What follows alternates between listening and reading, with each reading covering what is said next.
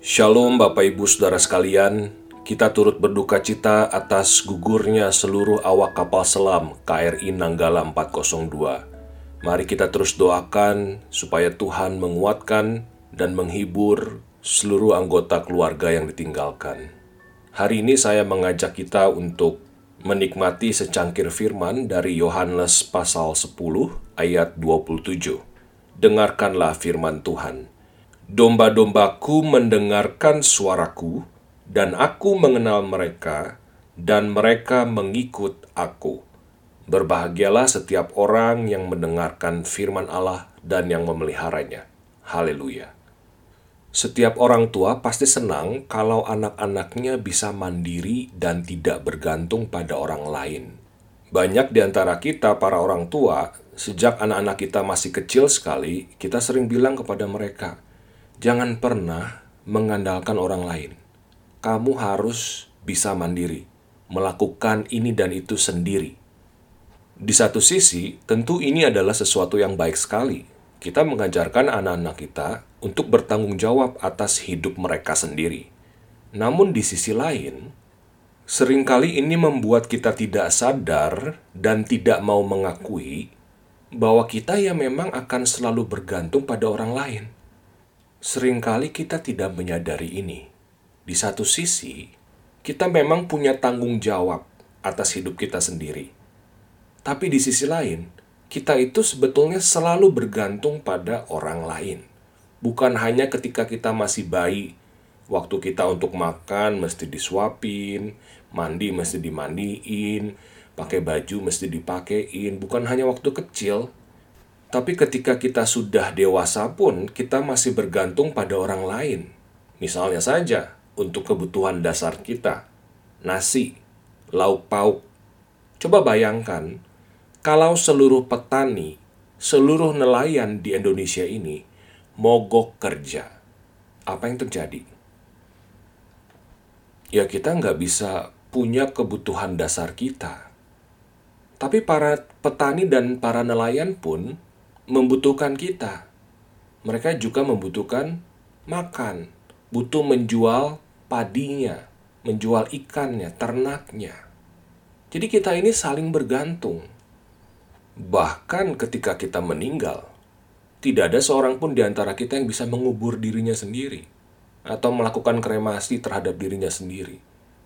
Sepanjang hidup kita, sejak lahir sampai kita meninggal, kita itu selalu bergantung pada orang lain.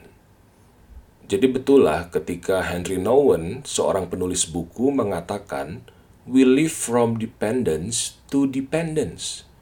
Kita itu hidup dari kebergantungan yang satu kepada kebergantungan yang lain. Yaitulah memang keberadaan kita sebagai manusia. Tepat sekali karena itu, ketika Tuhan itu menggambarkan kita seperti seekor domba. Seekor domba itu bahkan untuk mencari makan saja tidak bisa melakukannya sendiri. Domba itu harus terus nempel sama gembalanya, ikut ke mana gembalanya pergi, karena cuma dengan begitulah si domba ini akan sampai pada sumber makanan, pada sumber air. Dengan demikian, dia akan terus hidup. Nah, tapi realitas hidup kita tuh sering kali begini. Kita itu domba. Kita itu selalu mengikuti gembala. Tetapi gembala kita itu tidak selalu Kristus sang gembala yang baik.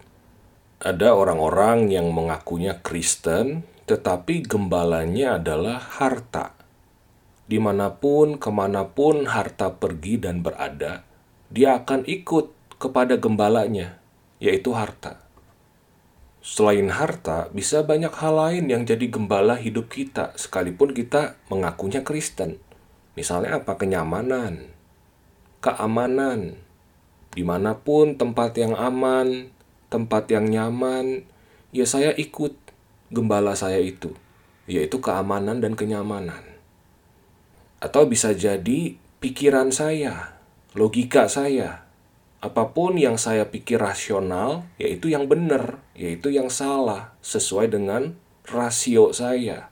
Jadi gembala hidup saya sebetulnya adalah rasio saya. Atau mungkin ada sebagian orang lain perasaan. Perasaanlah yang menjadi standar apakah sesuatu ini baik atau enggak, benar atau salah. Pokoknya terutama perasaan deh. Kalau begini, berarti perasaan sudah jadi gembala hidup kita. Atau kalau anak-anak muda sekarang yang sangat aktif di medsos, bisa jadi gembala kita adalah para influencers. Apa yang mereka katakan ya kita percayai saja. Kenapa? Ya karena mereka influencer, bro. Followersnya banyak, jutaan, belasan juta, puluhan juta, ratusan juta. Jadi apa pun yang mereka tampilkan, ya saya ikuti gaya hidup, perkataan, sikap, nilai-nilai moral. Ya apa yang mereka katakan itu yang benar. Kalau begitu artinya bukan Yesus gembala kita, tetapi para influencers inilah gembala kita. Itu yang kita ikuti. Ke mana pun mereka pergi, kita ikuti. Nah, mari saya ajak kita semua untuk mengambil waktu untuk berhenti sejenak dan berefleksi siapa ya atau apa ya yang saat ini sedang jadi gembala dalam hidup saya?